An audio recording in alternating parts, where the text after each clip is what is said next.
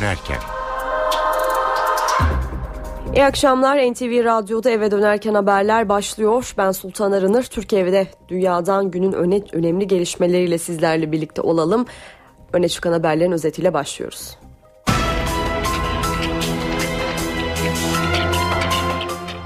Meydanlar ısındı, liderler mesajlarını alanlardan vermeye devam ediyor.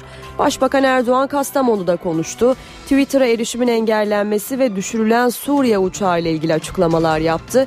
CHP lideri Kemal Kılıçdaroğlu da Kral FM'de Gülen cemaati ve internete düşen ses kayıtları ile ilgili düşüncelerini paylaştı. MHP lideri Devlet Bahçeli ise Adana'da seçim öncesi provokasyon uyarısında bulundu ve seçmenine sağduyu çağrısı yaptı. Yerel seçim için geri sayım başladı. Sandıklar yurt satına dağıtılıyor. Peki hangi renk zarfa hangi oy pusulası konulacak? Merak edilen sorunun yanıtı az sonra eve dönerken de. Türkiye'nin Suriye sınırında çatışmalar şiddetlenmiş durumda. Kesap kasabasında silahlar susmuyor. Düşürülen Suriye uçağı sonrasındaysa Suriye radarları bugün yine Türk F-16'larını taciz etti. Birleşmiş Milletler Twitter yasağı ile ilgili olarak Türkiye'yi uyardı. Örgüt Türkiye'nin uluslararası haklara yönelik yükümlülüklerini ihlal etmiş olabileceğini söyledi. Berkin Elvan soruşturmasının seyrini etkileyecek bir fotoğraf ortaya çıktı.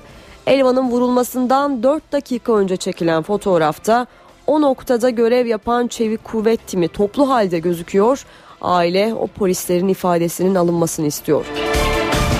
Kredi Derecelendirme Kuruluşu Moody's Türkiye'yi uyardı. Moody's siyasi çalkantı ve piyasadaki oynaklık Türkiye'nin dış kırılganlıklarını artırıyor dedi.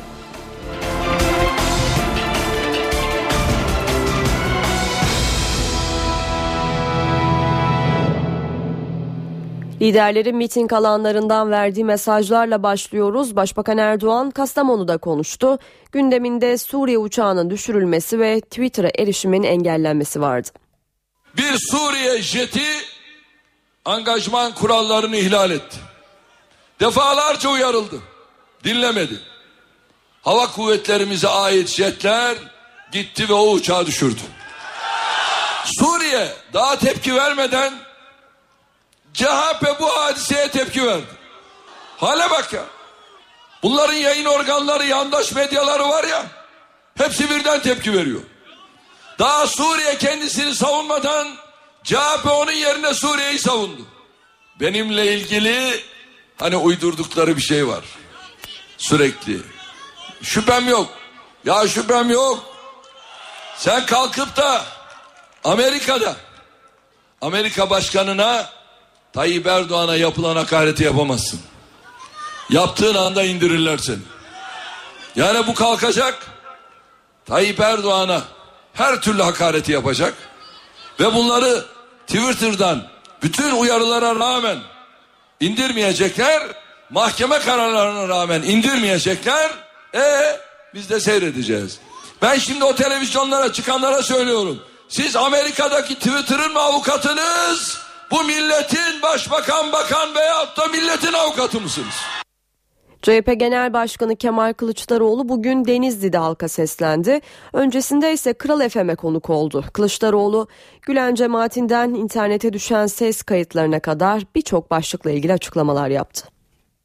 Özel hayatla ilgili bir olayın Twitter veya başka bir şey olur yayınlanmasını karşıyız. Benim ağzımdan bir cümle dahi çıkmadı. Hep şunu söyledim özel hayatın gizliliği esastır. CHP Genel Başkanı Kemal Kılıçdaroğlu Twitter'a gelen erişim yasağını Kral FM'de Mehmet Akbay'ın programında değerlendirdi. CHP lideri internete düşen ses kayıtları ile ilgili bir kumpas söz konusuysa karşı çıkacaklarını söyledi. Başbakan'a kumpas yapıldıysa o kumpasa önce biz karşı çıkarız. Telekomünikasyon İletişim Başkanlığı'nın kayıtlarını yayınla. Çünkü o 76 milyon yurttaşın telefon kayıtlarını tutuyor.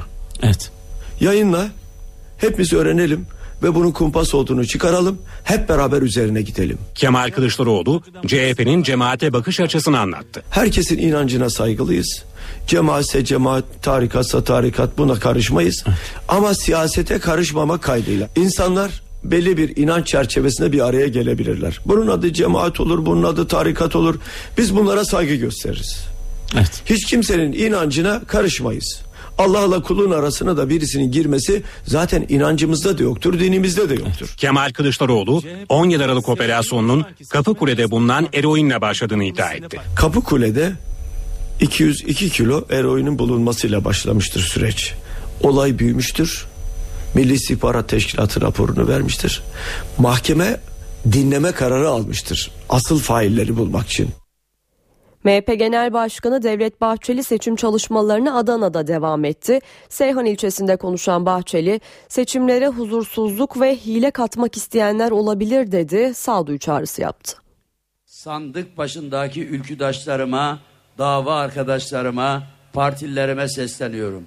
Hiç kimseyi incitmeyiniz, hiç kimsenin de tahrikine kapılmayınız.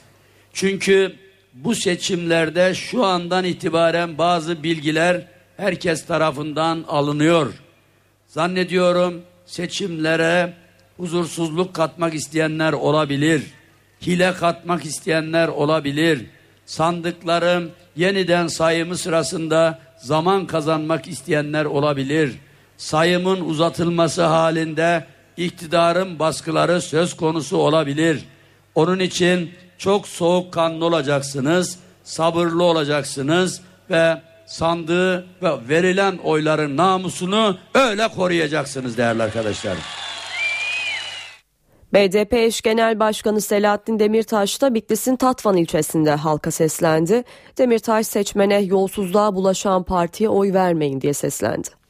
Elbette ki bu hırsızların partisine, yolsuzluğa, rüşvete bulaşmış bir partiye buralardan tek bir oyun dahi gitmemesi için bütün Tatvanlı kardeşlerimizi, bütün Tatvanlı arkadaşlarımızı ikna etmemiz 40 milyonluk Kürt halkını açlığa, işsizliğe, sefalete mahkum edenler artık yeni bir Kürt pazarıyla tanışacaklar. Kürt halkının siyaseti bu kadar güçlüyse ekonomisi de ona tek bir güçlü olacak. Burada ürettiğiniz her şeyi daha rahat satabilmeniz, pazarlayabilmeniz için Güney Kürdistan'dan Rojava'ya kadar pazar ağını biz kuracağız. Bizler ürünlerimizin satışımızı sağlayacağız.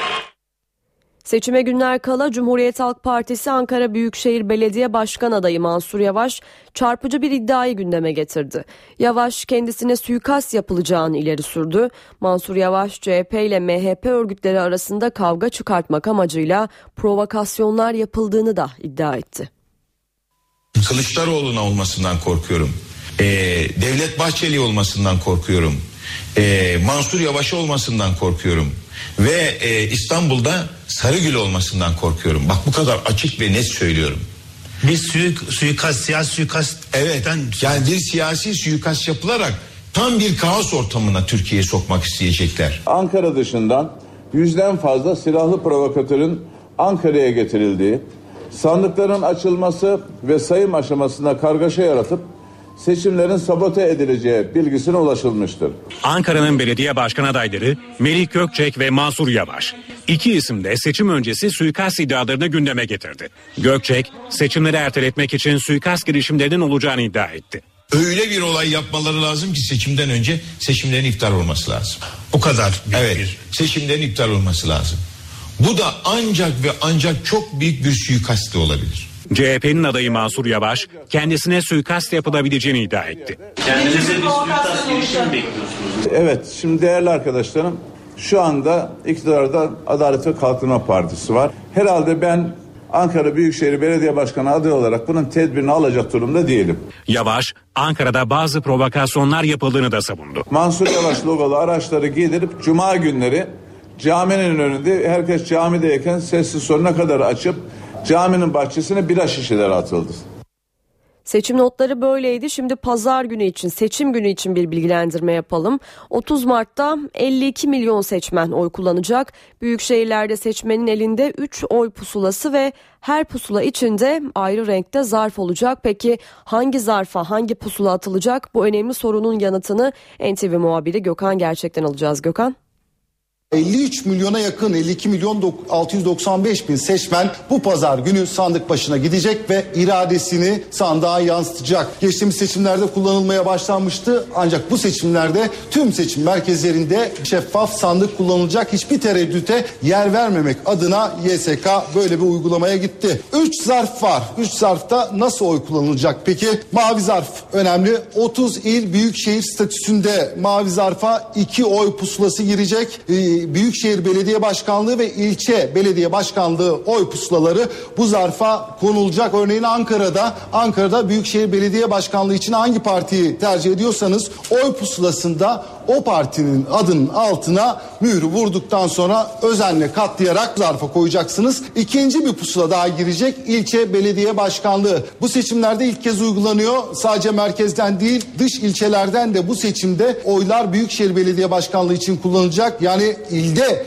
bulunan tüm seçmenler il ve ilçeler için oy kullanabilecekler. Örneğin Çankaya, örneğin Yeni Mahalle, Yeni Mahalle Belediye Başkanlığı için hangi partiyi tercih ediyorsa seçmen yine oy pusulasından o partiyi bulacak, artına altına mührünü bulacak. Özenle katladıktan sonra mavi zarfa koyacak ve oy zarfını e, yapıştırdıktan sonra şeffaf sandığa atacak. Bir diğer zarf mor zarf. Mor zarfta muhtarlıklar için e, büyük şehirlerde oy kullanacak vatandaşlar mor zarfları kullanacak. Seçmen e, seçmenler e, oy vermeye gittiği zaman sadece pusulalar değil e, ve mühürler değil orada muhtarların da isimlerinin bulunduğu kağıtlar olacak. İşte o isimlerin yazılı olduğu kağıtları mor zarfın içine koyacaklar ve yine şeffaf sandığa atacaklar. Büyükşehir statüsünün dışındaki illerde il genel meclis seçimleri var. İl genel meclisi seçimleri için tercih ettikleri isimler ve siyasi partilerin e, isimlerini de yine e, turuncu zarfa koyacaklar. Büyük şehirlerde turuncu zarf olmayacak. Sadece büyük şehir statüsünde olmayan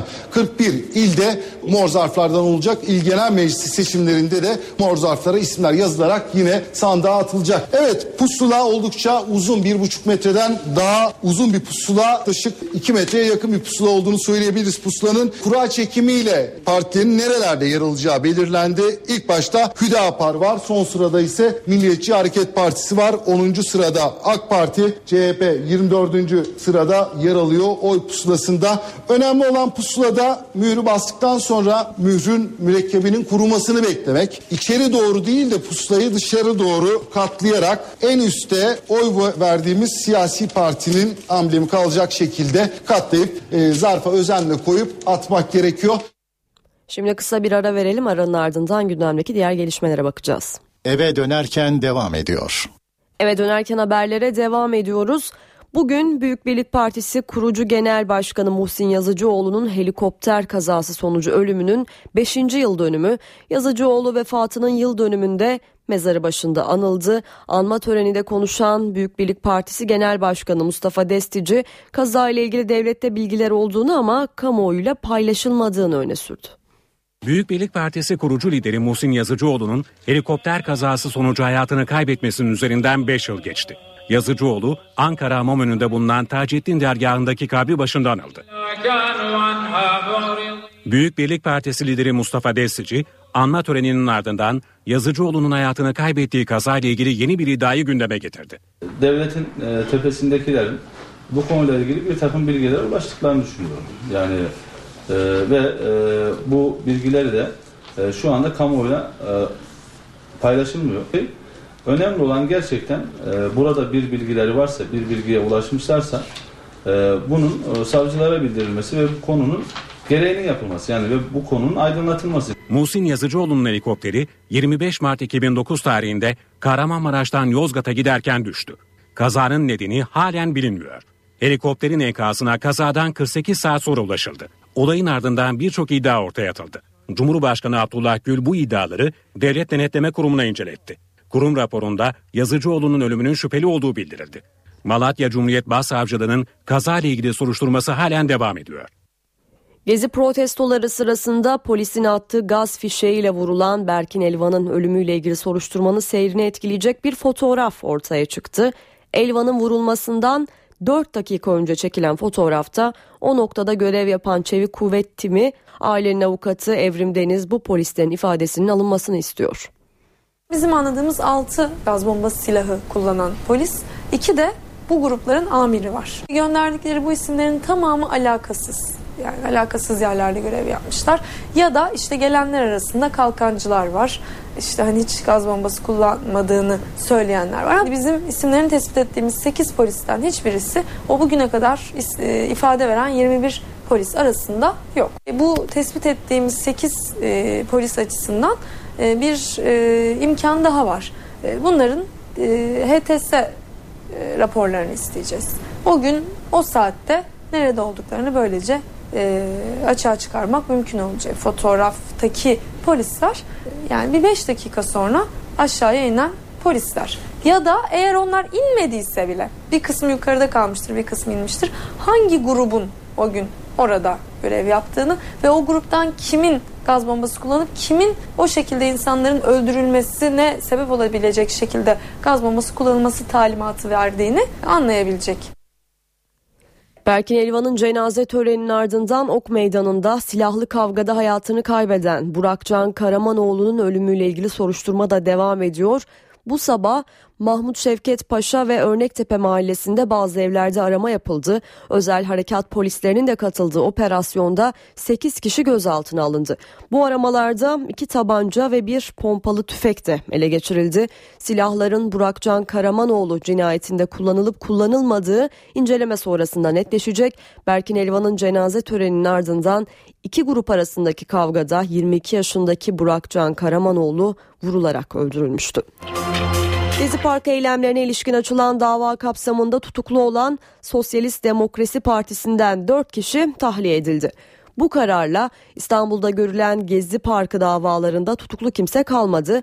36 kişinin yargılandığı davada sanıkların örgüt üyesi oldukları ve ruhsatsız silah bulundurdukları gerekçesiyle 58 yıla kadar hapsi isteniyor. Diyarbakır'da cinsel saldırıya uğradığı iddia edilen ve 3 kez rapor alan çocuk mahkemenin 4. rapor talebini reddedince polis zoruyla mahkemeye götürülmesine karar verildi. 13 yaşındaki FS iddiaya göre geçen yıl Ocak ayında okula giderken kendisini tehdit eden 25 yaşındaki BÇ'nin cinsel saldırısına uğradı. BC gözaltına alındı. Küçük kız 3 kurumda yapılan muayenede cinsel saldırıya uğradığına ve ruh sağlığının bozulduğuna dair rapor aldı ancak mahkeme yeni rapor isteyince FS hastaneye gitmeyi reddetti. Polis zoruyla rapor aldırılmasına karar veren mahkeme davayı erteledi.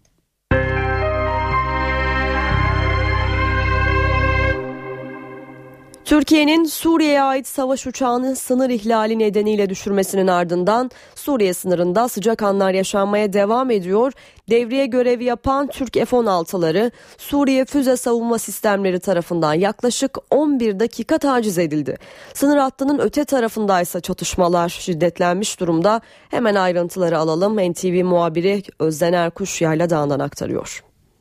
Hatay Yayladağ'ın hemen karşısındaki Kesep kasabasında Suriyeli muhaliflerle Esad arasındaki çatışma tüm şiddetiyle devam ediyor. Bu çatışmaya ilişkin ipuçları aslında Genelkurmay Başkanlığı'nın yaptığı açıklamada da var. Genelkurmay Başkanlığı 6 F-16'nın Suriye'ye ait 4 uçak ve helikopterin Yayladağ yakınlarında sınıra yaklaşması üzere bölgeye yönlendirildiğini açıkladı. Hava araçları sınıra 1, 6 ve 2.7 mil kala geri döndü ve bu görev esnasında 5 F-16 uçağı Suriye'de konuştu.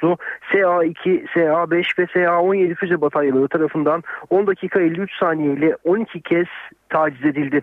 İşte bu açıklama aslına bakılırsa Kesep kasabasındaki çatışmanın da ipuçlarını ortaya koyuyor. Yoğun şekilde çatışmalar sürüyor.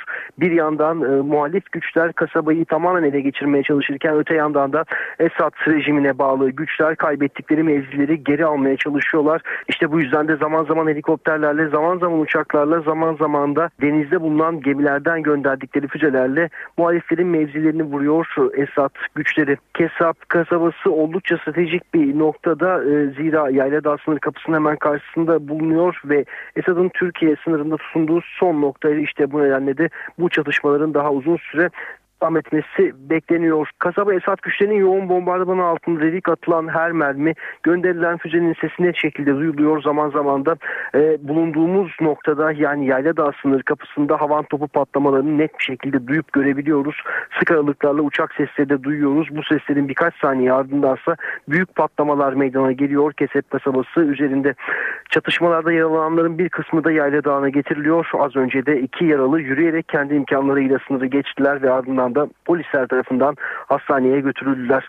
Sınırın e, bu noktasında durum böyle. Yaklaşık 900 kilometrelik sınırın bir başka noktası Gaziantep'in Karkamış ilçesinde de yoğun güvenlik önlemleri olduğunu söyleyelim. Irak Şam İslam Devleti örgütünün kontrolündeki Cerablus kasabasına girişin sağlandığı Karkamış'ta zırhlı personel araçlarda aramalar gerçekleştiriyor. Sıcak çatışmanın yaşandığı bölgeye dair notlar bu şekilde. Özden Erkuş, NTV Radyo, Hatay Yaylada. Şimdi Samsun'a gidelim. Başbakan Erdoğan Samsun mitinginde konuşuyor dinliyoruz. Teslim etti.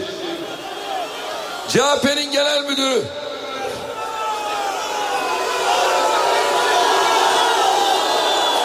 CHP'nin genel müdürü MHP'nin genel başkanı partilerini aldılar maalesef bu seviyelere indirdiler. Şimdi bu CHP genel müdürü bizim zaman zaman insanız kuluz ya dil sürçmelerimizi gittiği her yerde anlatıyordu. Etme bulma dünyası. Dün Isparta'da şunu söylüyor. Ben maliyeciyim diyor. Nasıl para götürülür bilirim diyor. Hakikaten bilir. SSK'nın başındayken de götürücüydü zaten. Ve rahşan affıyla kurtardı. Ne çileler çektik değil mi? O dönemde aman ya Rabbim hastanelerde rehine kalanlar var mıydı? Kılıçdaroğlu hani sen alçıydın ya. O rehinelerin bedelini, ahını, zulm, onlara çektirdiğiniz zulmü nasıl bedelini ödeyeceksiniz? Alma mazlumun ahını çıkar aheste aheste. Çıkacak. Daha yeni dur bakalım. Daha çok çıkacak. Ve Kırıkkale'ye geçiyor. Orada da namussuz siyaseti getirelim diyor.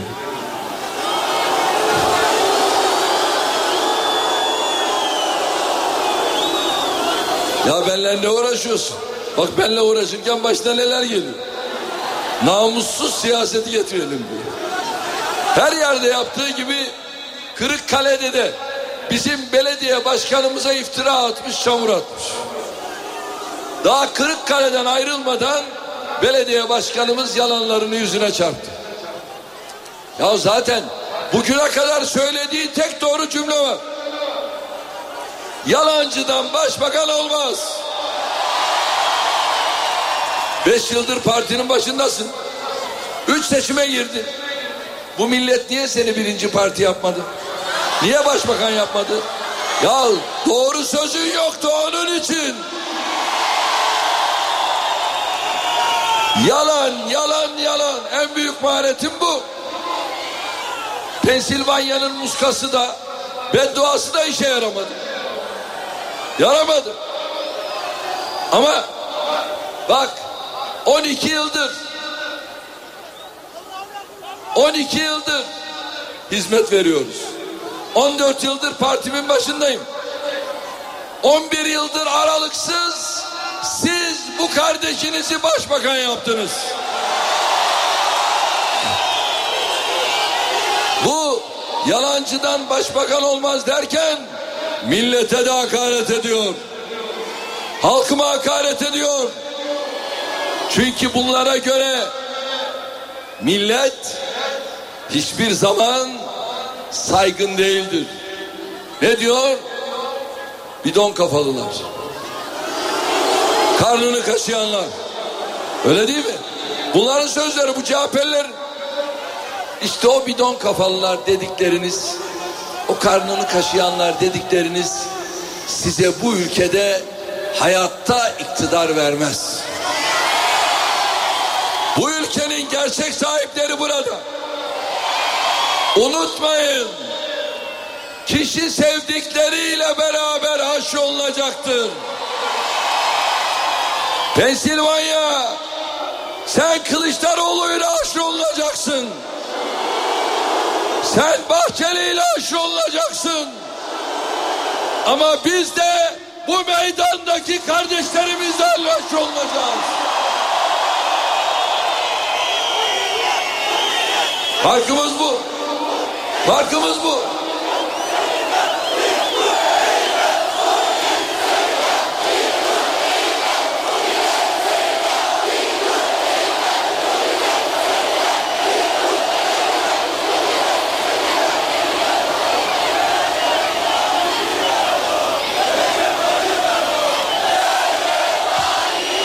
Kardeşlerim, siyaset ahlakla yapılır. Siyasetin tek limanı ahlaktır. Siyaset ilkelerle yapılır. Hedeflerle yapılır. Planla, projeyle yapılır. Siyaset kasetle yapılmaz. Siyaset montajla yapılmaz. Siyaset iftira ile, yalanla, çamurla yapılmaz. Kardeşlerim, bu Kılıçdaroğlu bana bir iftira daha attı.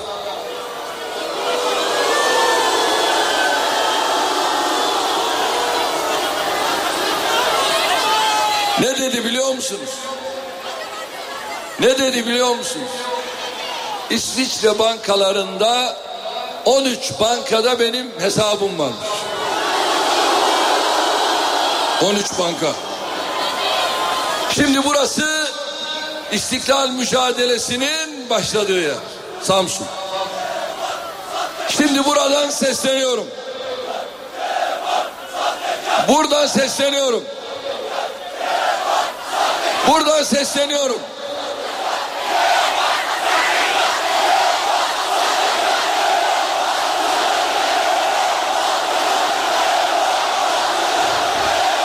Ya ne derseniz. O rahmet yağıyor zanneder. Böyle birisi. Böyle birisi.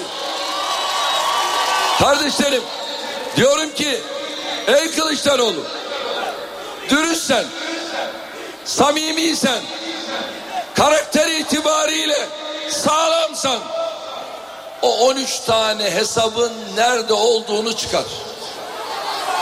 Hukukta bir kaide var. Müddei iddiasını ispatla mükelleftir. Nerede bu? Çıkar bunu. Ortaya koy. Gerekirse beraber gidelim. Bak bu kadar açık söylüyorum. O parayı alalım. Züğürt Kemal'sin ya. Paranın tamamını da sana veririm. Nasıl? Nasıl? Bak ta Siirt'ten bu yana söylüyorum. Hala cevap yok. Ey benim CHP'ye gönül veren kardeşlerim. Ya bu adamın bu yalancının peşinden daha ne kadar gideceksiniz ya? Bunun iftiradan başka hiçbir şey yok. Yalandan başka hiçbir şey yok. Takiyeden başka hiçbir şey yok. E işte şu anda o da Gülen kasetçilikle beraber çalışıyor. Dedim zaten. Pensilvanya üretsin. Sen de İstanbul Tahtakale'de kasetçilik yap. İstanbul Tahtakale bu işin yeridir. Aynı zamanda un kapanında da bunu yapabilirsin. Orada da bir yer bulmanda fayda var. Kardeşlerim siyaset sırtını Pensilvanya'ya Kılıçdaroğlu gibi Esed'e sırtını terör örgütlerine çetelere dayayarak yapılmaz. Siyaset milletle yapılır. Milletle yapılır. Millet için yapılır. Sırtını millete dayayarak yapılır.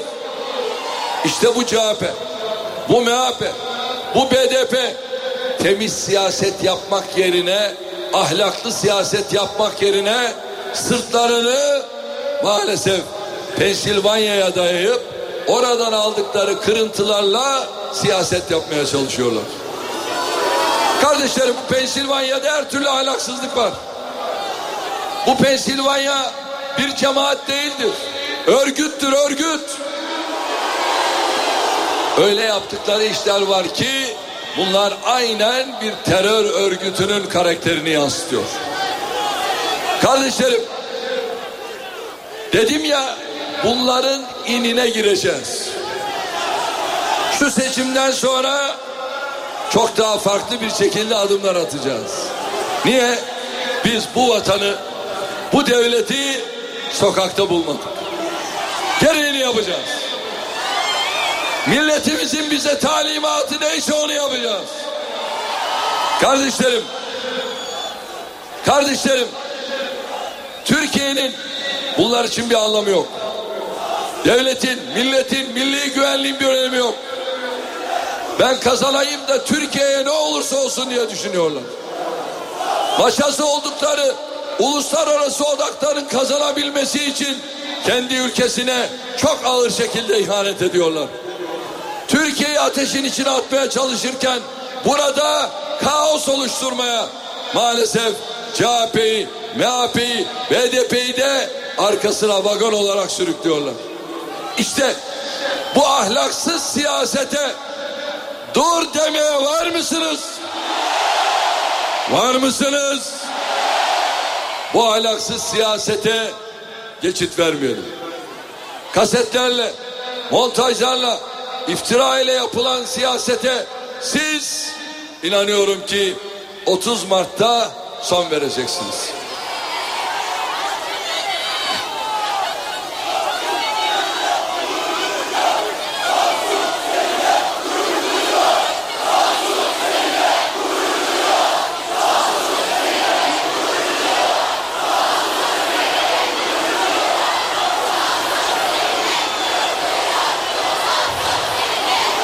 Kardeşlerim şunu unutmayın.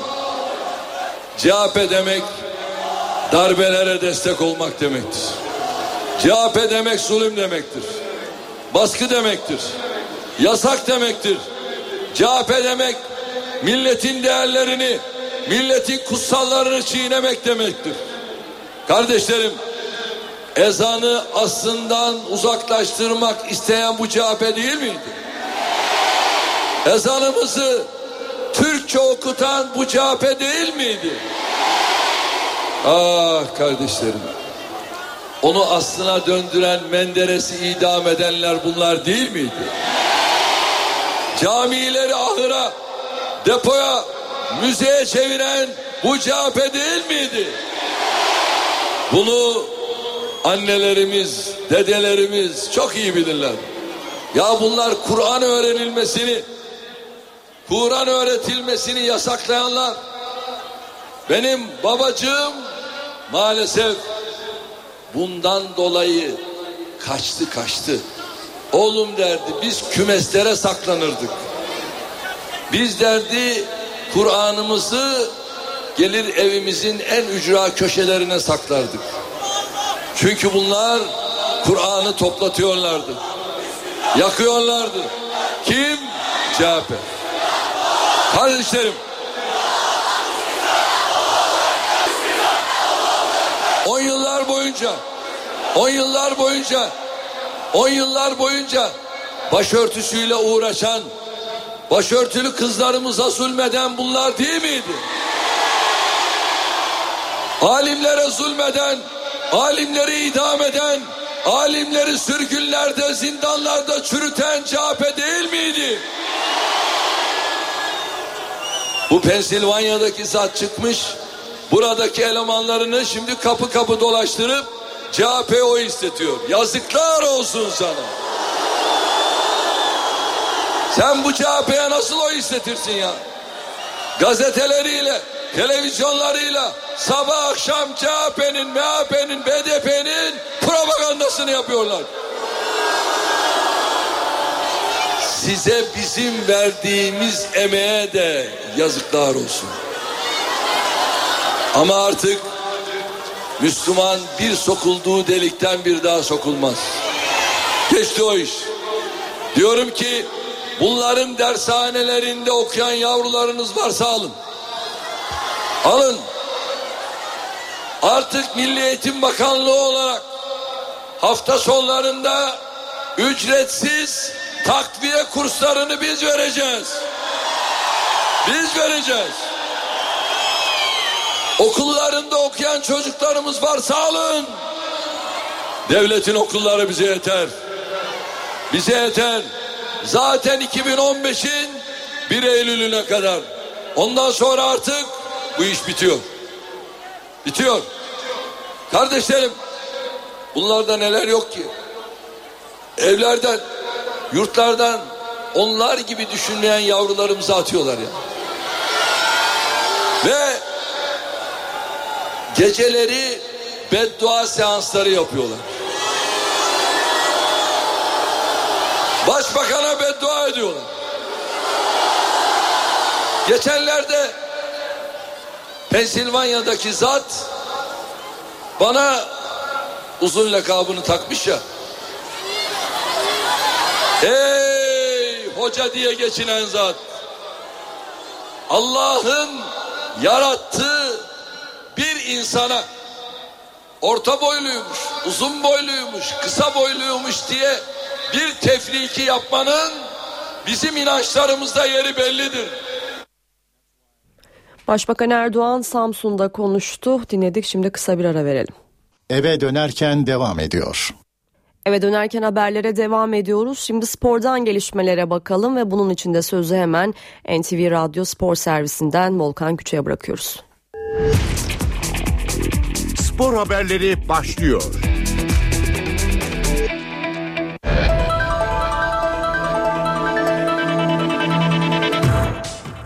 NTV Radyo Spor Bülteni ile karşınızdayız. Musa Sop suskunluğunu bozdu. Fenerbahçe'nin Senegal yıldızı Gaziantep Spor deplasmanında yaklaşık 3 ay süren gol hasretine son verdi. Fenerbahçe'nin geçen hafta Kayseri Erciyespor'la oynadığı maça Musa Soğuk'un gözyaşları damga vurmuştu. Senegalli Yıldız maçın ikinci yarısında müsait pozisyonları değerlendirememiş ve oyuna bir süre ağlayarak devam etmişti.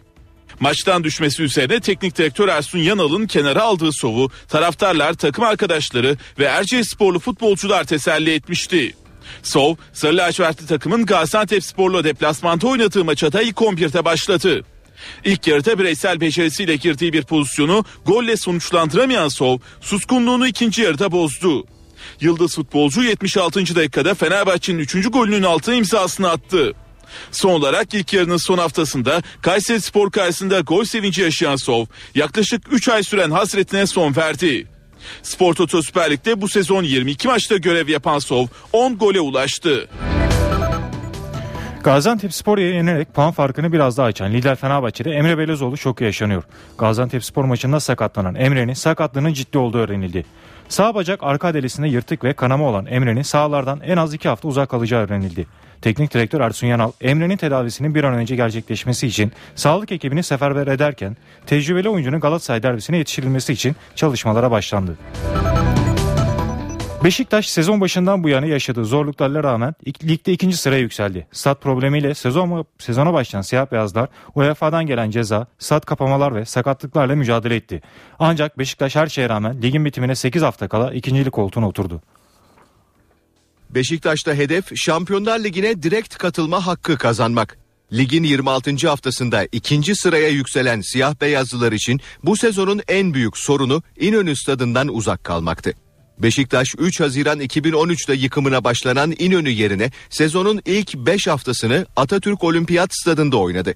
5. haftadaki olaylı Galatasaray derbisinin ardından gelen 4 maçlık ceza zaten stadından uzak kalan Beşiktaş'ın bir de taraftar desteğinden mahrum kalmasına neden oldu. İlk devreyi Kasımpaşa stadında tamamlayan Beşiktaş ikinci yarı itibariyle rotayı yeniden Olimpiyat stadına çevirdi. Beşiktaş için bir diğer sorunsa üst üste yaşanan sakatlıklar.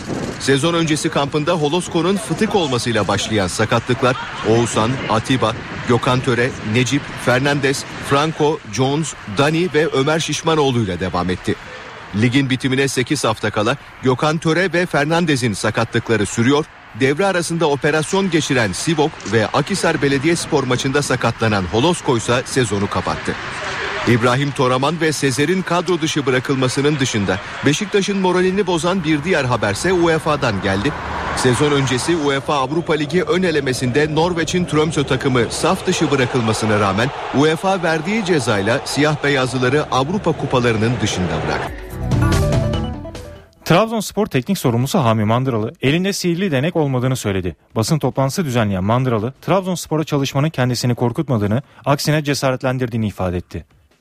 Trabzonspor teknik sorumlusu Hami Mandıralı Mehmet Ali Yılmaz tesislerinde basın toplantısı düzenledi. Elimde sihirli değnek yok diyen Mandıralı, futbolcuların göstereceği performansın belirleyici olacağını söyledi. Ee, Bir ivme kazandırdığımızı düşünüyoruz takımımıza. Ee, Hem performans olarak hem göze hoş gelen futbol olarak güzel şeylere imza atmaya attığımızı düşünüyorum.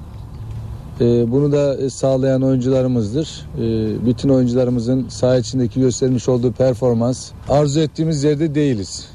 Onu söylemek isterim. Ee, Ama olmak için de çok uğraş veriyoruz. Hiçbir teknik adamın elinde sihirli değnek yoktur. Bu değneği harekete geçirecek olan da sahada oynayan oyuncu arkadaşlarımızdır. Hami Mandıralı son haftalarda kadroya giremeyen yıldız oyuncu Maluda'nın durumunu değerlendirdi. Maluda gibi oyuncuların saha içi performansları, idman ve saha maç performanslarının iyi olması lazım ve gelecek nesile de örnek teşkil etmesi lazım. Ee, Maluda'nın dönem dönem güzel maçları oldu, bize katkı sağladığı maçlar oldu. Ee, bizim süreçte e, sakatlıklar yaşadı. Sakatlıktan sonra dönüşünde e, ondan beklediğimiz performansı alamadık. Fakat bu almayacağız anlamına gelmez. Kesinlikle kendi adıma şunu söyleyebilirim. Ee, hiçbir ön yargım yok. Malı da malı dalını sahada gösterecek. Bizler de ona görev vereceğiz. Performans bekleyeceğiz. Mandıralı bir geçiş dönemi yaşadıklarını ancak ilerleyen dönemde de Trabzonspor'u çalıştırmaya devam etmek istediğini açıkladı. Geçiş sürecini e, beraberiz. Bundan sonraki süreçte ne olacak onu bilmiyorum. Bana kal derseler tabii ki kalırım. Çalışırım. En iyisini yapmaya çalışırım. Çünkü o ünlü teknik adamlarımızdan sonra ben de burada bir isim olarak, teknik adam olarak bir anılmak isterim. Trabzonspor Teknik Direktörü Hami Mandıralı yabancı oyuncuların mevcut performanslarından memnun olmadığını sözlerine ekledi. UEFA köklü talimat değişikliklerine gitti. UEFA Şampiyonlar Ligi ve Avrupa Ligi'ne katılım konusunda 2015-2016 sezonundan itibaren yeni kuralların uygulanacağını duyurdu. UEFA Şampiyonlar Ligi ve UEFA Avrupa Ligi'nde önemli değişikliklere gidiyor. Avrupa futbolunun patronu iki kupaya katılım konusunda köklü değişikliklerin hayata geçeceğini duyurdu. Yapılan değişikliklere göre 2015-2016 sezonundan itibaren Avrupa Ligi şampiyonu o sezon kendi liginde aldığı derece hesaba katılmaksızın bir sonraki sezon UEFA Şampiyonlar Ligi'ne playoff turundan itibaren katılabilecek. Ancak geçmiş sezonun Devler Ligi şampiyonu ertesi yıl Şampiyonlar Ligi gruplarına katılmaya hak kazandığı takdirde Avrupa Ligi şampiyonu da Şampiyonlar Ligi gruplarına direkt olarak dahil olacak. Bununla birlikte Şampiyonlar Ligi gruplarında bir ülke UEFA sıralaması göz önüne alınarak maksimum 5 takımla temsil edilebilecek. UEFA Avrupa Ligi'ne ise her ülkeden en fazla 3 takım katılabilecek. UEFA Avrupa Ligi gruplarına direkt katılacak takımların sayısı 6'dan 16'ya çıkarılacak. Bu haktan UEFA ülke puan sıralamasında ilk 12 sırada bulunan ülkelerin takımları yararlanabilecek. Buna göre sıralamada ilk 4 sırada bulunan ülkelerden 2 takım, 5. ile 12 sırada yer alan ülkelerdense bir takım doğrudan UEFA Avrupa Ligi gruplarına katılacak. İlgili ülkenin şampiyonu ligden aldığı dereceden dolayı UEFA Şampiyonlar Ligi'ne katılmaya hak kazanırsa kupa finalistinin yerine ligde en iyi dereceyi alan ekip UEFA Avrupa Ligi'ne katılacak. Bu haberle spor bültenimizin sonuna geldik. Hoşçakalın.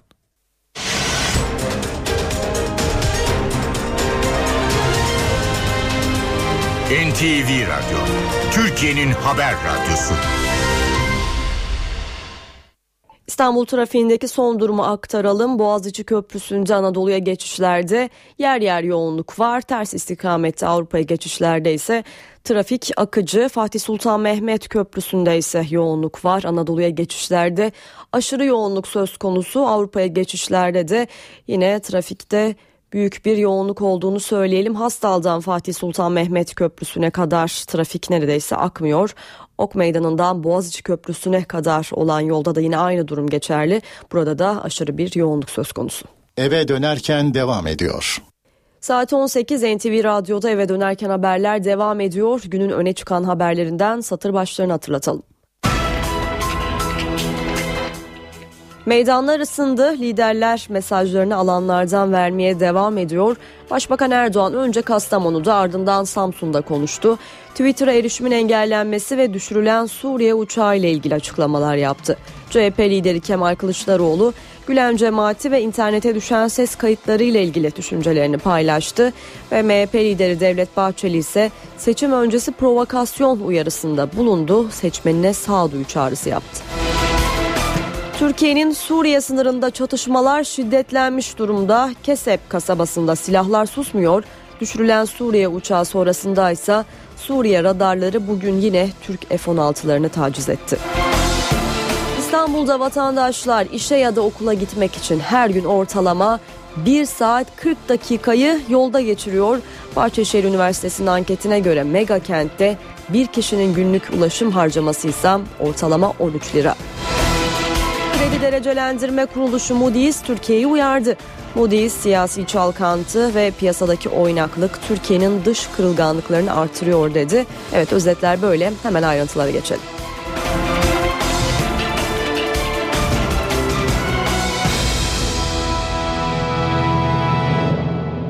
Başbakan Erdoğan bugün iki ilde miting düzenledi. Önce Kastamonu'da ardından Samsun'da halka seslendi. Hedefinde ise hem cemaat hem de ana muhalefet lideri Kemal Kılıçdaroğlu vardı. Bugüne kadar söylediği tek doğru cümle var. Yalancıdan başbakan olmaz. Beş yıldır partinin başındasın. Üç seçime girdin. Bu millet niye seni birinci parti yapmadı? Niye başbakan yapmadı? Ya doğru sözün yoktu onun için. Siyaset kasetle yapılmaz. Siyaset montajda yapılmaz. Siyaset iftira ile, yalanla, çamurla yapılmaz. Kardeşlerim, bu Kılıçdaroğlu bana bir iftira daha attı. Ne dedi biliyor musunuz? İsviçre bankalarında 13 bankada benim hesabım varmış. Diyorum ki ey Kılıçdaroğlu samimiysen, karakter itibariyle sağlamsan o 13 tane hesabın nerede olduğunu çıkar. Ortaya koy. O parayı alalım. Züğürt Kemal'sin ya. Paranın tamamını da sana veririm. Bu Pensilvanya'daki zat çıkmış. Buradaki elemanlarını şimdi kapı kapı dolaştırıp CHP oy istetiyor. Yazıklar olsun sana. Size bizim verdiğimiz emeğe de yazıklar olsun. Geçti o iş. Diyorum ki bunların dershanelerinde okuyan yavrularınız varsa alın. Alın. Okullarında okuyan çocuklarımız varsa alın. Pensilvanya'daki zat bana uzun lakabını takmış ya. Ey hoca diye geçinen zat. Allah'ın yarattığı bir insana orta boyluymuş, uzun boyluymuş, kısa boyluymuş diye bir tefriki yapmanın bizim inançlarımızda yeri bellidir. CHP Genel Başkanı Kemal Kılıçdaroğlu Denizli'de halka hitap etti. Konuşmasında hükümeti eleştirdi CHP lideri genç seçmenlere de çağrı yaptı. Oyunuzu özgürlükten yana kullanın dedi. Sanıyor ki tweet'i yasakladım gençler tweet'i de atmayacak. Bizim gençlerimiz taşı sıksa suyunu çıkarır. Bu seçimlerde ilk kez iki buçuk milyon gencimiz sandık başına gidecek. İki buçuk milyon gencimiz. İlk kez oy kullanacaklar. Neden yana oy kullanacaksınız? Özgürlükten yana oy kullanmanızı istiyorum. Türkiye'yi çağdaş uygarlığa taşımanın yolu özgürlükten geçer. Herkesin düşüncesini açıklamaktan geçer. İki buçuk milyon gencimize açıkça söylüyorum. Özgürlükten yana oy kullan. Özgürce davran. Düşünceni açıkla. Senin düşüncene katılmasak dahi senin düşünceni özgürle özgürce açıklamanın güvencesi ben olacağım. Hiç endişe etme bundan. MHP Genel Başkanı Devlet Bahçeli de Adana'da konuştu. Bahçeli seçimlere huzursuzluk ve hile katmak isteyenler olabilir dedi. Sağduyu çağrısı yaptı. Sandık başındaki ülküdaşlarıma, dava arkadaşlarıma, partilerime sesleniyorum. Hiç kimseyi incitmeyiniz, hiç kimsenin de tahrikine kapılmayınız. Çünkü bu seçimlerde şu andan itibaren bazı bilgiler herkes tarafından alınıyor. Zannediyorum seçimlere huzursuzluk katmak isteyenler olabilir. Hile katmak isteyenler olabilir. Sandıkların yeniden sayımı sırasında zaman kazanmak isteyenler olabilir. Sayımın uzatılması halinde iktidarın baskıları söz konusu olabilir. Onun için çok soğukkanlı olacaksınız, sabırlı olacaksınız ve sandığı ve verilen oyların namusunu öyle koruyacaksınız değerli arkadaşlar. Sandığa günler kala Cumhuriyet Halk Partisi Ankara Büyükşehir Belediye Başkan adayı Mansur Yavaş çarpıcı bir iddiada bulundu. Yavaş kendisine suikast yapılacağını ileri sürdü. Benzer bir iddia AK Parti adayından Melih Gökçek'ten de geldi. Şimdi hemen seçim öncesi başkentte neler konuşulduğuna bakalım. NTV muhabiri Miray Aktağ Uluç telefon attığımızda Miray. Partisi'nin Ankara Büyükşehir Belediye Başkan adayı Mansur Yavaş'tan gelen çarpıcı bir iddia vardı bugün. Mansur Yavaş kendisine suikast yapılabileceğini ifade etti ve bunun için özel bir basın toplantısı düzenledi. Mansur Yavaş'ın iddiasında Cumhuriyet Halk Partisi ile Milliyetçi Hareket Partisi örgütleri e, arasında kavga çıkarmak için provokasyonlar yapıldığı da yer aldı ve bunlarla ilgili düzenlediği basın toplantısına Cumhuriyet Halk Partisi'nden de milletvekili Bülent Kuşoğlu da katıldı ve her ikisi de beraber bu iddialarla ilgili açıklamalar yaptı. Mansur Yavaş o açıklamasını yaparken e, Ankara Büyükşehir Belediye Başkanı Melih Gökçek'in dün bir televizyon kanalında yaptığı açıklamalara işaret etti. Melik Gökçek yaptığı açıklamada e, Cumhuriyet Halk Partisi Genel Başkanı Kemal Kılıçdaroğlu, MHP lideri Devlet Bahçeli ve Mansur Yavaş'a hatta Sarıgül'e yönelik bir e, suikast olabileceğini söylemişti. E, ve bununla ilgili olarak da siyasi bir kaos olmasından korkuyorum ifadelerini kullanmıştı. İşte onun bu ifadelerinin ardından bugün Mansur Yavaş Ankara dışından e, yüzden fazla silahlı provokatörün seçimi provoke etmek için seçim günü Ankara'ya geleceğini hem o gün içerisinde provokasyonlar yapabileceklerini söyledi hem de e, seçimden önce de bu tür provokasyonların olabileceğini işaret etti. E, aynı zamanda e, başka iddiaları daha vardı demiştik. O iddialar neydi? E, Cumhuriyet Halk Partisi'nin adayı Mansur Yavaş e, kendi parti otobüsüyle ilgili kendisine ait olmayan parti otobüslerinden e, camilere gidilerek bira şişeleri atıldığını e, veya e, kendisiymiş gibi kendi e, parti otobüsüymüş gibi davranan kişi veya kişiler tarafından Ankara'da bazı provokatif eylemler yapıldığını ve bu eylemlerle e, MHP'lilerle Cumhuriyet Halk Partililer arasında e, kavga çıkartılmaya çalışıldığını da söyledi. Ve bu iddiaların ardından Cumhuriyet Halk Partisi emniyete çağrıda bulundu. Seçim sürecinde yaşanabilecek bu tür provokasyonlara, bu tür iddialara karşı emniyet yetkililerinin harekete geçmesini istedi. CHP Ankara Milletvekili Bülent Kuşoğlu da bu açıklama sırasında e, Milliyetçi Hareket Partisi'nin yönetimiyle irtibat kurduklarını söyledi. Hem Devlet Bahçeli ile hem de e, grup başkan vekilleriyle mecliste bir irtibat e, halinde olduklarını ve buna yönelik e, her iki partinin de örgütlerini uyardığını söyledi. E, tabii seçime günler kala gelen e, bu iddialar dikkat çekici. Buna ilişkin e, başka gibi değerlendirmeler gelecek? Örneğin Melik Gökçek e, Mansur Yavaş'ın bu iddiasından sonra nasıl açıklamalar yapacak? Bunlar da merak konusu ama bugün başkentte siyasetin dikkat çeken başlıklarından biri buydu Sultan. Reakta Uluç teşekkürler devam edelim. Seçim artık 5 gün kaldı. 52 milyon 695 bin seçmen 30 Mart'ta sandık başına gidecek. 194 bin şeffaf sandık illere gönderildi. Büyük şehirlerde seçmenin elinde 3 oy pusulası ve farklı renklerde zarflar olacak. Peki hangi renk zarfa hangi oy pusulası konulacak? Şimdi bu sorunun yanıtına bakalım.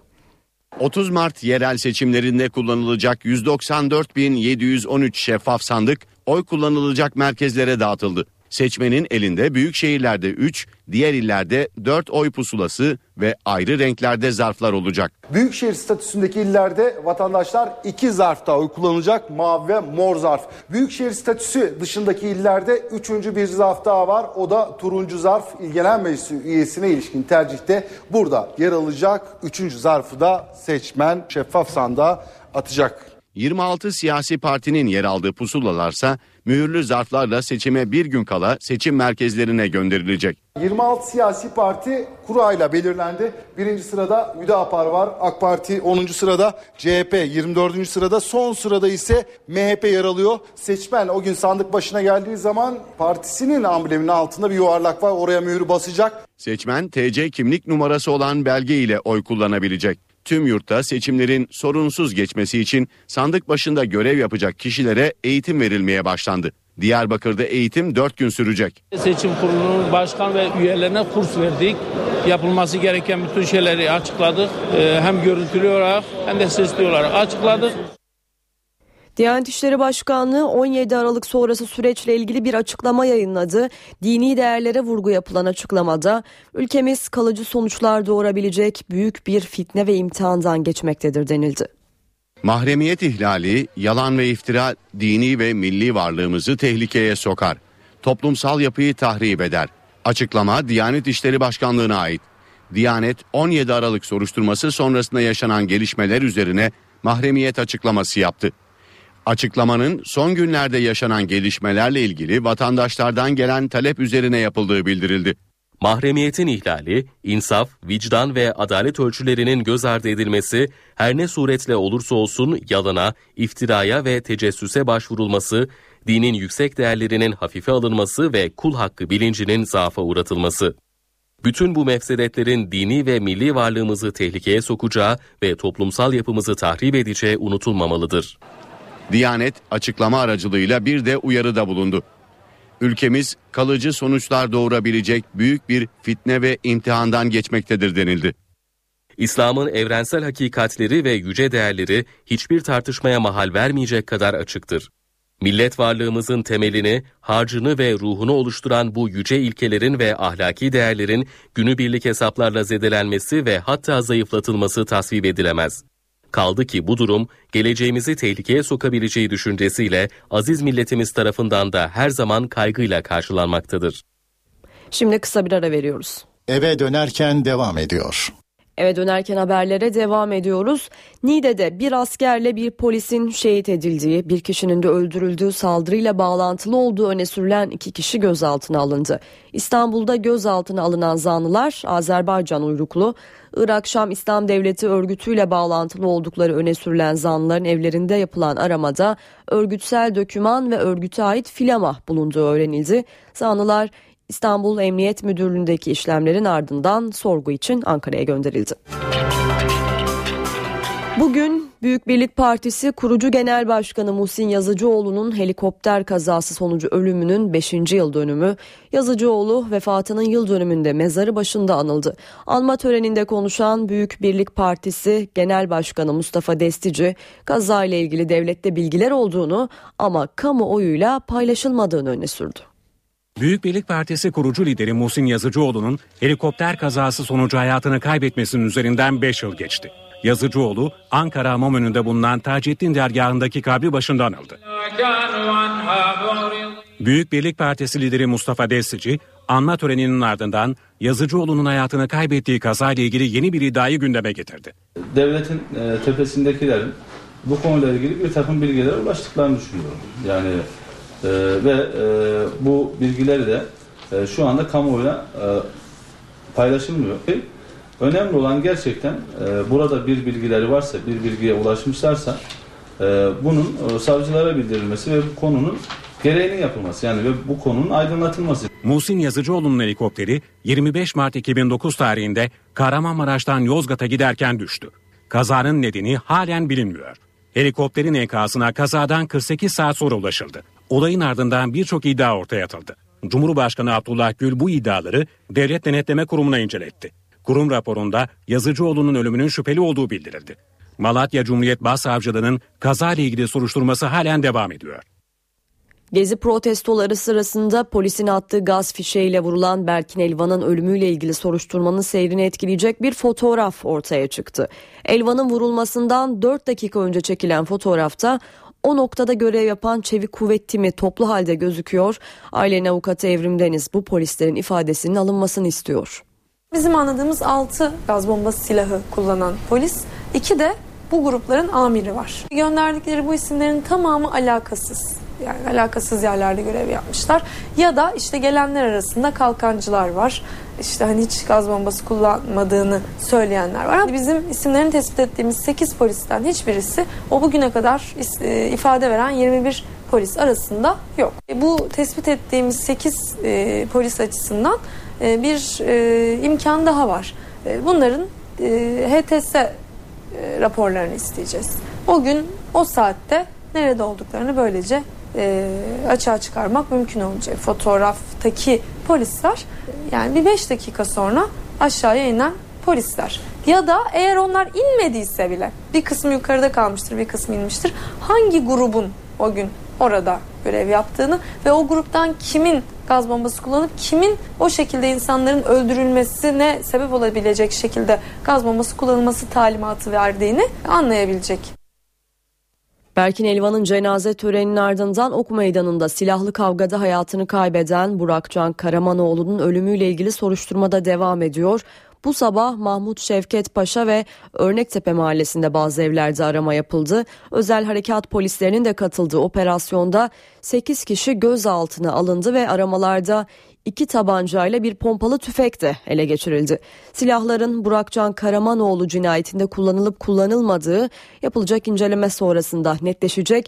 Berkin Elvan'ın cenaze töreninin ardından iki grup arasındaki kavgada 22 yaşındaki Burakcan Karamanoğlu vurularak öldürülmüştü.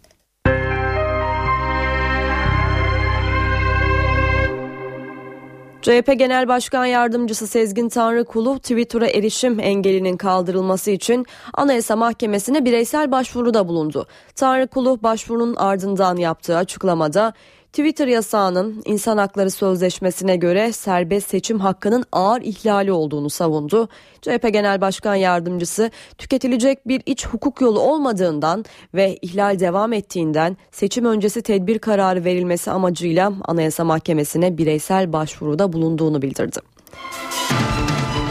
Birleşmiş Milletler ve Batı Twitter'a erişimin engelleniyor olması nedeniyle Türkiye'yi uyardı. Birleşmiş Milletler Türkiye'nin uluslararası haklara yönelik yükümlülüklerini ihlal etmiş olabileceğini söyledi. Amerika ve Avrupa'dan da eleştiriler, açıklamalar geldi. Türkiye'de Twitter'a erişimin engellenmesi uluslararası alanda yankı uyandırmaya devam ediyor. Konuyla ilgili son tepki Birleşmiş Milletler'den geldi. İnsan Hakları Yüksek Komiseri Sözcüsü Rupert Colville, Türkiye'nin uluslararası yükümlülüklerini ihlal etmiş olabileceğini söyledi. Sözcü yasağın kaldırılması çağrısını yaptı. Amerika Birleşik Devletleri de tepkisini sürdürdü. Dışişleri Bakanlığı sözcüsü Mary Harf Twitter yasağını kabul edilemez diye tanımladı. İfade özgürlüğünün ihlaline karşıyız ve Türk hükümetine Twitter'a engeli kaldırması için çağrı yapmayı sürdüreceğiz. Türkiye'de eskisinden daha çok tweet atıldığını biliyorum. Bu gayretler işe yaramıyor. Konuyla ilgili Avrupa'dan da eleştiri geldi. Almanya hükümetinin insan hakları sorumlusu Christopher Streiser yasakla Türkiye'nin Avrupa Birliği adayı bir ülke için geçerli kırmızı çizgiyi aştığını söyledi.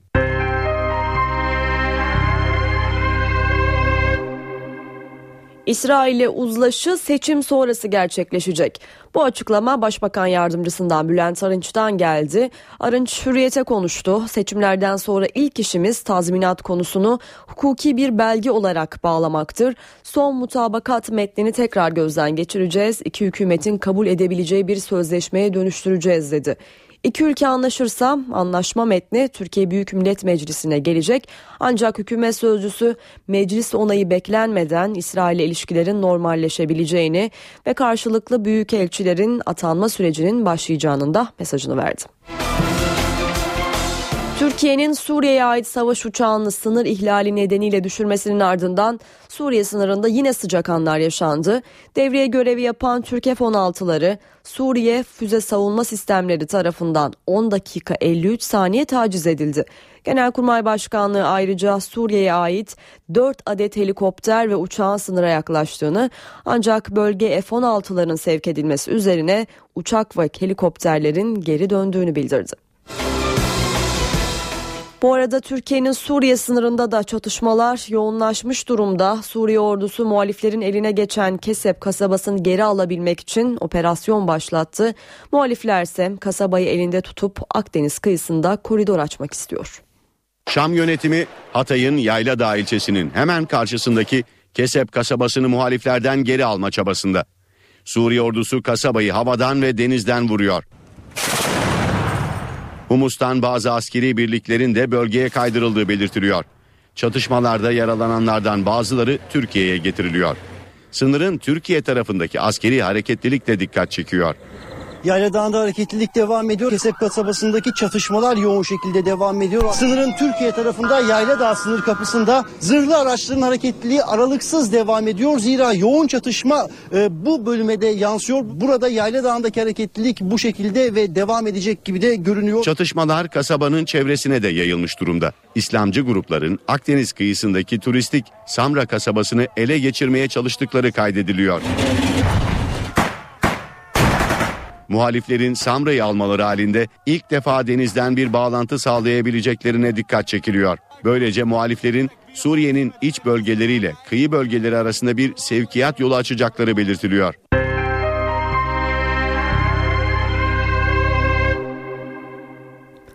Para ve sermaye piyasalarındaki işlemlere bakalım. Borsa İstanbul günü 64.696 puandan tamamladı. Serbest piyasada dolar 2 lira 23 kuruş, euro ise 3.07'den işlem gördü.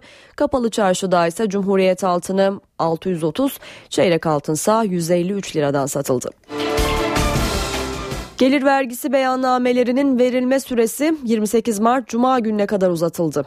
2013 yılında elde edilen kazançlar için beyanname verme süresi normalde bugün doluyordu ancak Maliye Bakanlığı yoğun talep üzerine sürenin cuma günü mesai bitimine kadar uzatıldığını açıkladı. Açıklamada mükelleflerin beyan ettikleri vergiyi yasal süresinde ödemeleri gerektiği belirtildi.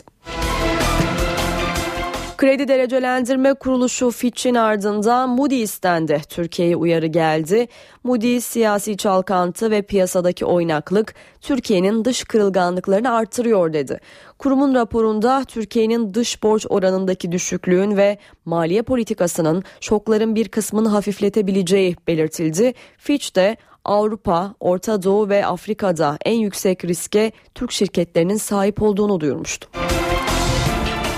Evet Rusya Kırım'ı topraklarına kattı ancak bunun bedeli ağır olacak gibi ekonomik yaptırımlar nedeniyle ülkeden iki haftada 70 milyar dolarlık bir çıkış oldu. Республики Крым и города федерального значения Севастополя.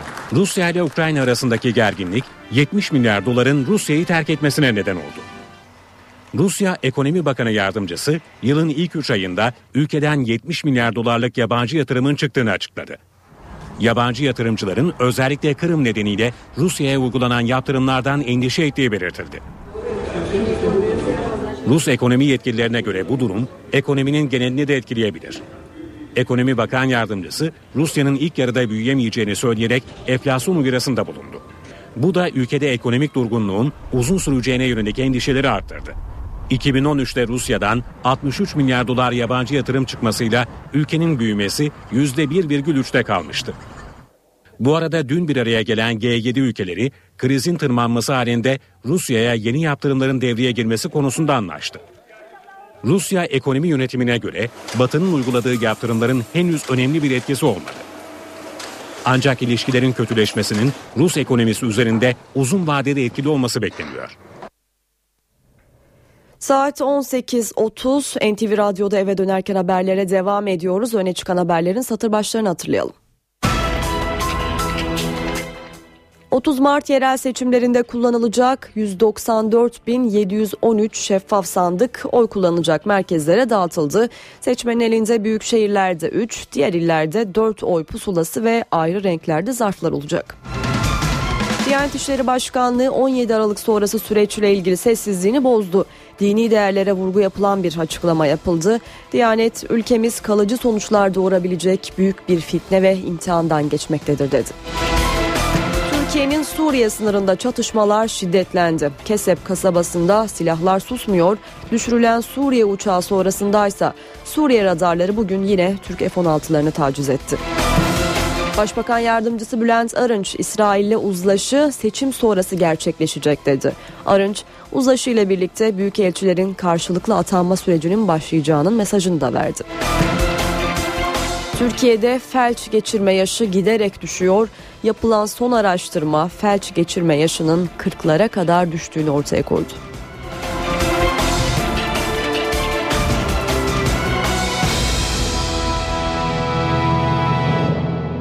Şimdi yurt geneli için hava tahminlerini alalım. NTV Meteoroloji Editörü Gökhan Abur'u dinliyoruz. İyi akşamlar. Batıda başlayan yağışla birlikte sıcaklıklar 4-5 derece azaldı. Hafta sonu rüzgarın kuzeye dönmesiyle batı ve iç kesimlerde sıcaklıkların daha da azalmasını bekliyoruz. Batı bölgeler yer yer kuvvetli olmak üzere yağışlı havanın etkisinden girdi. Yarın Ege ve Marmara'nın batısındaki yağışlar aralıklara devam ederken Doğu Karadeniz ve Doğu Anadolu'nun kuzey kesiminde de yağışlar başlayacak. Kuzey Ege, Marmara ve Doğu'daki yağışlar Perşembe günü aralıklarla devam edecek. Cuma günü Ege'de daha kuvvetli olmak üzere Ege, Marmara, Batı Akdeniz, İç Anadolu ve Karadeniz boyunca yağış var. Cumartesi günü Doğu Karadeniz'de daha kuvvetli olmak üzere yurdun büyük çoğunluğunda yağış görülecek. Pazar günü Batı ve İç Anadolu'da yağışlar etkisini kaybederken Doğu'da aralıklarla devam edecek. Yağışlar havanın soğumasıyla karla karışık yağmur ve kar şeklinde olacak. İstanbul'da yağış aralıklarla devam ediyor. Yarın da gün içinde kısa süreli yağış geçişleri görülecek. Sabah hava daha açık. Sıcaklık ise 15 derece olacak. Ankara bulutlu biraz serinliyor. Sıcaklık 16 dereceye inecek. Gece sıcaklığı ise 3 derece. İzmir'de yine yağmur var. Sıcaklık gündüz 16, gece ise 10 derece olacak. Gün içinde lodos sert esmeye devam edecek. Hepinize iyi akşamlar diliyorum. Hoşçakalın. Şimdi eve dönerken haberlere kısa bir ara verelim. Eve dönerken devam ediyor.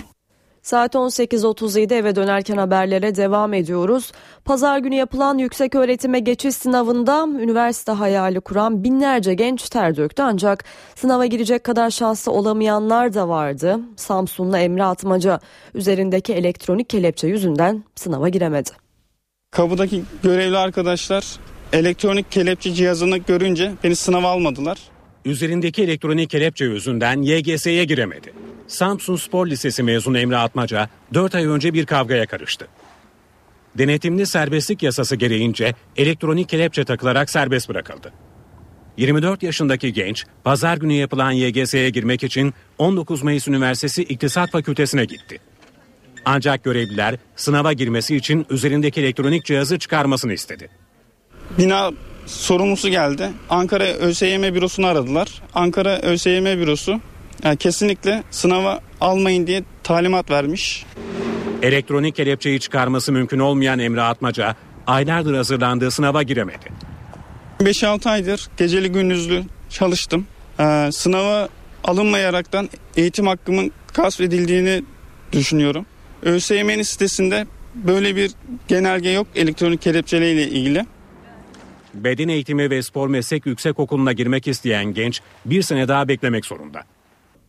İstanbul'da vatandaşlar işe ya da okula gitmek için her gün ortalama 1 saat 40 dakikayı yolda geçiriyor. Bahçeşehir Üniversitesi Ulaştırma Mühendisliği'nin yaptığı ankete göre mega kentte bir kişinin günlük ulaşım harcaması ise ortalama 13 lira. Maltepe'den geliyorum ben okulum Gümüşsuyu'nda. O yüzden 3 saati bulan şey var yani. Toplu ulaşımda en çok e, otobüs tercih ediyorum. İstanbullu günde yaklaşık 1 saat 40 dakikasını yolda geçiriyor. %38'i okula ya da işe gitmek için trafikte ortalama 30 ila 60 dakika arası zaman harcıyor. Ulaşım için bir kişinin günlük harcaması ortalama 13 TL. Bu veriler Bahçeşehir Üniversitesi Ulaştırma Mühendisliği'nin yaptığı ankete ait. Anket İstanbul'da 9342 kişiyle yapıldı. En az iki yani veya yaklaşık bir iki saatlik süre yolda geçiyor. Bir yağmurda veyahut da bir e, onarımda bir trafik kazası anında e, buradaki süreler katlıyor. Ankete göre İstanbullu toplu taşıma araçlarından en çok otobüsü kullanıyor. Oran %21. Metrobüs ve minibüs %12 ile ikinci sırada. %3 ile deniz ulaşımı en az tercih edilen toplu taşıma aracı. Peki İstanbullu bu konuya ne diyor? Metrobüsler daha iyi, daha güzel. Ama genelde onu şey yapıyoruz, tercih ediyoruz. Metroyu kullanıyorum en çok çünkü hızlı ve daha rahat. Antalyalı nakliyecilerin eylemi sonuç verdi. Uzun müzakereler sonunda nakliyecilerle İstanbul Büyükşehir Belediyesi yetkilileri arasındaki görüşmede anlaşma sağlandı. Köprüde bekleme süresi 6 saatten 5 saate çekildi. 10 bin nakliyecinin köprü geçiş sorunu çözüldü. Geçiş saatlerinin değiştirilmesi için eylem yapan nakliyeciler amacına ulaştı. Artık nakliyecilere köprü geçişinde uygulanan yasak bir saat daha az. Yapılan görüşmeler sonucu Alanya Kamyoncular Kooperatifi ile İstanbul Büyükşehir Belediyesi anlaştı. Arabalar transit geçtiği zaman hiçbir sebze meyve yerine gecikmez. Bu da bizim için kafi. E, çıkan arabalar köprüye 4-5 saat takıldığı için zamanında yerine varamıyordu. Varmayınca da işte kamyoncu arkadaşların paraları kesiliyordu. E, çeşitli sorunlar yaşanıyordu. Bazı sorunlar aşılmış olacak bu şekilde. Sebze meyve taşıyan nakliyeciler 15 Nisan'dan itibaren saat 17'ye kadar köprüden geçebilecek. Saatlerin biraz daha uygun saatlerde alınması veya kartlı sisteme geçtiği zaman çok rahat bir şekilde araçların gelip geçmesinden dolayı e, herkes rahatlayacaktır. İstanbul Büyükşehir Belediyesi Ulaşım Daire Başkanlığı kamyonlar için kartla çıkaracak. Nakliyeciler Avrupa ve Anadolu yakasında beklemeden hale girecek.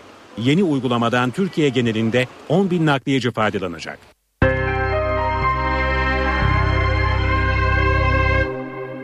...239 yolcusuyla Hint okyanusuna düştüğü açıklanan Malezya uçağını arama çalışmalarına ara verildi. Bu karar bölgedeki olumsuz hava koşulları nedeniyle alındı. Arama çalışmalarının 24 saatten önce başlayamayacağı sanılıyor. Uçağın enkazının bulunması için çalışmalar Avustralya'nın Perth kentinin 2500 kilometre güneybatısında yürütülüyordu. Yakınlarını kaybeden ailelerse öfkeli. Uçakta 152 yakınlı bulunan Çinli aileler Malezya hükümetini gerçeği çarpıtmak ve saklamakla suçladı. Çin hükümeti de Malezya'dan ayrıntılı açıklama istedi. Malezya uçağı 8 Mart'ta kaybolmuştu. Amerika Birleşik Devletleri'nin Washington eyaletinde hafta sonu meydana gelen toprak kaymasında hayatını kaybedenlerin sayısı 14'e yükseldi. 176 kişidense hala haber yok. Amerika Birleşik Devletleri'nin Washington eyaletine bağlı Oso kasabasında meydana gelen heyelanda ölenlerin sayısı artıyor. 30'dan fazla evi yutan felaket cumartesi günü meydana geldi. Karanlık. Tek gördüğüm şey karanlıktı. Koca bir kütle bir anda yer değiştirdi. Arama kurtarma çalışmaları 3 gündür devam ediyor. Yetkililer heyelan sonrası yüzden fazla kişinin kayıp olduğunu açıkladı. Kurtarma ekiplerinin şefi umutsuz konuştu. Pek ümitli olmadığımızı belirtmeliyim. Hala hayatta olan birilerine ulaşmayı umuyoruz. Ancak cumartesiden beri bu mümkün olmadı. Aşırı yağışın neden olduğu felaket sonucu kasabanın üzerine yığılan toprağın yer yer 5 metre yüksekliğe ulaştığı aktarılıyor. Peru'nun başkenti Lima'da binlerce kaçak madenci polisle çatıştı. Madenciler yönetimin yasa dışı faaliyet gösteren madenleri kapama kararına tepkili. Polis kalabalığı dağıtmak için göz yaşartıcı gaz kullandı. Olaylar sırasında yaralananlar oldu. Peru hükümeti Amazon ormanlarına zarar verdiği gerekçesiyle bölgedeki madenlerin faaliyetlerini durdurmaya çalışıyor. Protestocularsa bu hamleyle uluslararası dev şirketlerin önünün açılacağını iddia ediyor.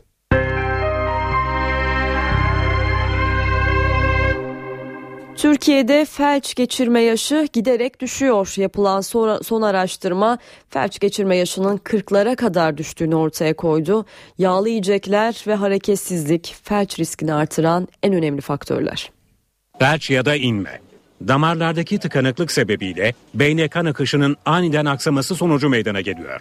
Hastalığın en önemli nedeni yağlı yiyecekler ve hareketsizlik. Bugün felç geçiren her 5 kişiden biri 40 yaşın altında. Daha önce maalesef bir gözlemlediğimiz diğer bir bulgu. Biz ileriki yaşlarda gördüğümüz problemleri daha genç yaşlarda görmeye başlıyoruz. Bu da söylediğim nedenlerden, ailesel nedenlerden, belki hayat tarzımızdan, yeme içme alışkanlıklarımızdan bilemiyoruz ama 40'lı yaşlarda hasta hasta gelebiliyor. Tabii daha erken dönemlerde başka nedenlere bağlı da felç geçirilebilir. Özellikle Doğu ve Güneydoğu bölgesinde felç riski daha yüksek. Daha önce yüksek tansiyon, şeker hastalığı, e, sigara kullanımı ki açık tütün kullanma şeklinde doğu illerinde yaygın olan çok daha zararlı olduğunu görüyoruz. Ve özellikle de gittikçe artan sedanter yaşam dediğimiz yani hareket etmeden, e, yürümeden yaşam tarzı bu hastalığın daha sık görmemize neden oluyor. aşırı yağlı yiyeceklerden sakınmak ve günde iki elma tüketmek felç riskini azaltan faktörler arasında. Tabii en önemlisi stres ve sigaradan uzak durmak. Gine ve Liberya'da geçtiğimiz haftalarda yaklaşık 60 kişinin ölümüne neden olan Ebola virüsünün Kanada'ya sıçramasından endişe ediliyor.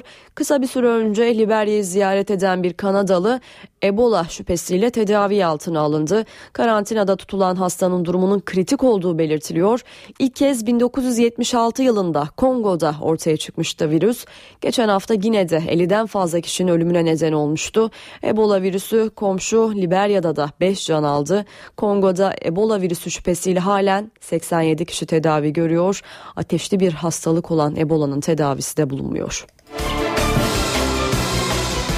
Hava kirliliği her yıl 7 milyon insanın ölümüne yol açıyor. Bu tespit Dünya Sağlık Örgütü'nden örgütün son raporunda hava kirliliğinin zararlarına dikkat çekildi.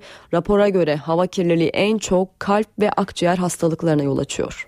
Hava kirliliği her yıl milyonlarca kişinin ölümüne neden oluyor. Tespit Dünya Sağlık Örgütü'nden. Örgüt sadece 2012'de 7 milyon kişinin hava kirliliğine bağlı hastalıklar nedeniyle hayatını kaybettiğini açıkladı. Buna göre 2012'de gerçekleşen her 8 ölümden birinin sorumlusu kirli hava.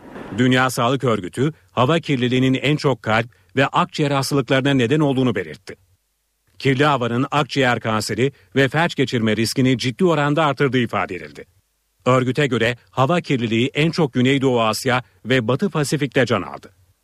Örgüt yalnızca açık hava kirliliğine değil, kapalı mekanlardaki hava kirliliğine de dikkat çekti. Uzmanlar hava kirliliğinin başlıca sebepleri olarak taşıtlar, fosil yakıtlar ve fabrikaları gösteriyor. Hava kirliliğinin önüne geçilerek her yıl milyonlarca kişinin ölümünün engellenebileceği vurgulanıyor. NTV Radyo'da eve dönerken haberlerde şimdi kültür sanat diyelim. Günün etkinliklerinden bir derleme sunuyoruz. Saat başına yeniden birlikte olacağız. Eve dönerken devam ediyor. İyi akşamlar. Saat 19 eve dönerken haberlerde günün öne çıkan başlıklarını aktaracağız. Liderler seçim mitinglerini sürdürüyor. Başbakan bugün Kastamonu ve Samsun'da seçmene seslendi. Hedefinde cemaat ve muhalefet partileri vardı. Başbakan CHP, MHP, BDP ve Pensilvanya hep birlikte basın askeri oldular dedi. Başbakan Twitter'a erişimin engellenmesi konusunda da bize her türlü hakareti yapanlara göz yumamayız diye konuştu. CHP Genel Başkanı Kemal Kılıçdaroğlu da Denizli ve Uşak'ta konuştu. Hükümeti eleştirdi Kılıçdaroğlu. Genç seçmenlere de çağrı yaptı. Oyunuzu özgürlükten yana kullanın dedi. MHP lideri Devlet Bahçeli ise Adana'da seçim öncesi provokasyon uyarısında bulundu. 30 Mart yerel seçimlerinde kullanılacak 194.713 şeffaf sandık oy kullanacak merkezlere dağıtıldı. Seçmenin elinde büyük şehirlerde 3, diğer illerde 4 oy pusulası ve ayrı renklerde zarflar olacak. Diyanet İşleri Başkanlığı 17 Aralık sonrası süreçle ilgili sessizliğini bozdu. Dini değerlere vurgu yapan bir açıklama yapıldı. Diyanet, ülkemiz kalıcı sonuçlar doğurabilecek büyük bir fitne ve imtihandan geçmektedir dedi. Türkiye'nin Suriye sınırında çatışmalar şiddetlendi. Kesep kasabasında silahlar susmuyor. Düşürülen Suriye uçağı sonrasındaysa Suriye radarları bugün yine Türk F-16'larını taciz etti. CHP Genel Başkan Yardımcısı Sezgin Tanrıkulu Twitter'a erişim engelinin kaldırılması için Anayasa Mahkemesi'ne bireysel başvuruda bulundu. Berkin Elvan soruşturmasının seyrini etkileyecek bir fotoğraf ortaya çıktı. Elvan'ın vurulmasından 4 dakika önce çekilen fotoğrafta o noktada görev yapan çevik kuvvet timi toplu halde gözüküyor. Aile o polislerin ifadesinin alınmasını istiyor. Kredi derecelendirme kuruluşu Moody's Türkiye'yi uyardı. Moody's siyasi çalkantı ve piyasadaki oynaklık Türkiye'nin dış kırılganlıklarını artırıyor dedi.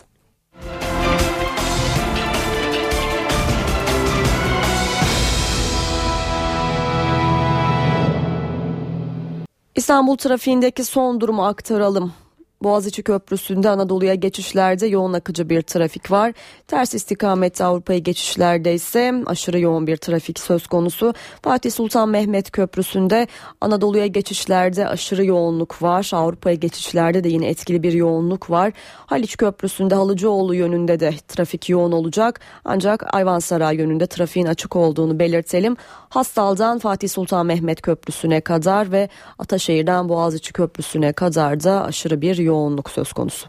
Eve dönerken haberleri noktalıyoruz. NTV Radyo'nun yayını kısa bir aranın ardından Cem Dizdar ve Gürcan Bilgiç'in yorumculuğunu yaptığı Çift Forvet programıyla devam edecek. İyi akşamlar.